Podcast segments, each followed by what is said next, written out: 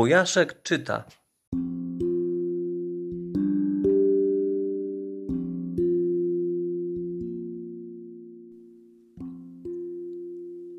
Księżniczka na ziarnku grochu. Pewien książę postanowił się ożenić.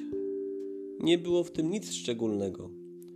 Wielu młodzieńców robi to w jego wieku, zwłaszcza z królewskich rodów. I choć może potem żałują, wolą udawać, że wszystko jest w porządku, żeby się nie przyznać do błędu.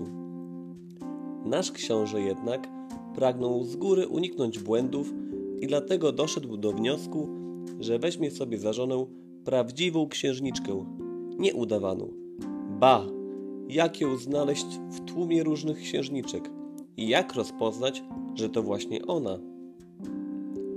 Książę wyruszył w świat.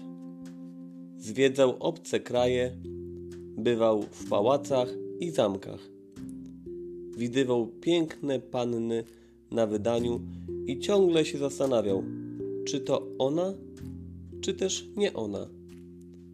Wszystkie były dystyngowane i dobrze wychowane. Wszystkie wiedziały, co należy robić, aby dobrze wyjść za mąż. Uśmiechać się, przytakiwać młodzieńcowi, dźwięcznie szczybiotać i wdzięcznie się poruszać. Udawać zainteresowanie tym, o czym on mówi. No właśnie, udawać. A nasz książę nie lubił udawania. Oj, nie lubił. Książę w końcu musiał wrócić do domu. Ileż można tak bezowocnie podróżować? Zamknął się w swoim pokoju i pogrążył w gorzkich rozmyśleniach. Nawet nie chciał rozmawiać z rodzicami, którzy martwili się o niego, no i o królestwo, rzecz jasna, bo z bezrzędnego księcia marny jest pożytek dla państwa. Pewnego wieczoru lało jak z cebra. Deszcz zacinał z boku i z przodu. Błyskało i grzmiało. Wtem ktoś zapukał do drzwi. Nie natarczywie, ale też nie cichutko. Stary król sam poczłapał do bramy, by otworzyć. Taki był ciekawski, że nie pozwalał się w tym wyręczać.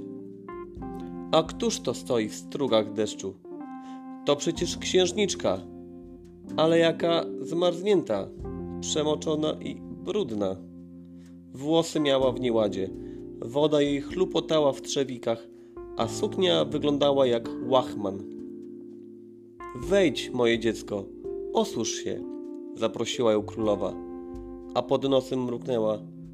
Może ty jesteś prawdziwa. Wkrótce się o tym dowiemy. Królowa osobiście przygotowała łóżko dla gościa. Kazała ułożyć jeden na drugim dwadzieścia materacy, na nich zaś dwadzieścia puchowych pierzyn, a pod spodem coś zostawiła. Na drugi dzień nie budzono gościa zbyt wcześnie, żeby mógł sobie porządnie wypocząć. Jednak kiedy księżniczka pojawiła się w królewskim salonie, nie wyglądała na wypoczętą. Jak ci się spało, moja droga? zapytała królowa. O, wasza wysokość wybaczy, ale nie najlepiej. Właściwie bardzo źle. Przez cały czas coś mnie okropnie uwierało. Przetrzepałam nawet pierzyny i przełożyłam materacę, ale to twarde coś wciąż mi nie dawało spokoju. Królowa rozpromieniła się. Kochana, włożyłam ci do łóżka ziarnko grochu. Przepraszam, że musiałaś się męczyć. Bo widzisz, nie o ten groch chodziło, tylko o udawanie. Odpowiedziałaś prosto z mostu, lecz grzecznie. A gdybyś chciała wbrew prawdzie być uprzejma, powiedziałabyś wyśmienicie, wybornie, cudownie. Jesteś najprawdziwszą księżniczką, nieudawaną. Cieszę się, że cię poznałam. O, jeszcze bardziej ucieszył się książę. Musiał się teraz postarać, żeby księżniczka zechciała go za męża. A ponieważ był miły i przystojny oraz miał odziedziczyć, odziedziczyć królestwo, udało mu się. I tak kończy się ta prawdziwa baśń, nieudawana. Dobranoc.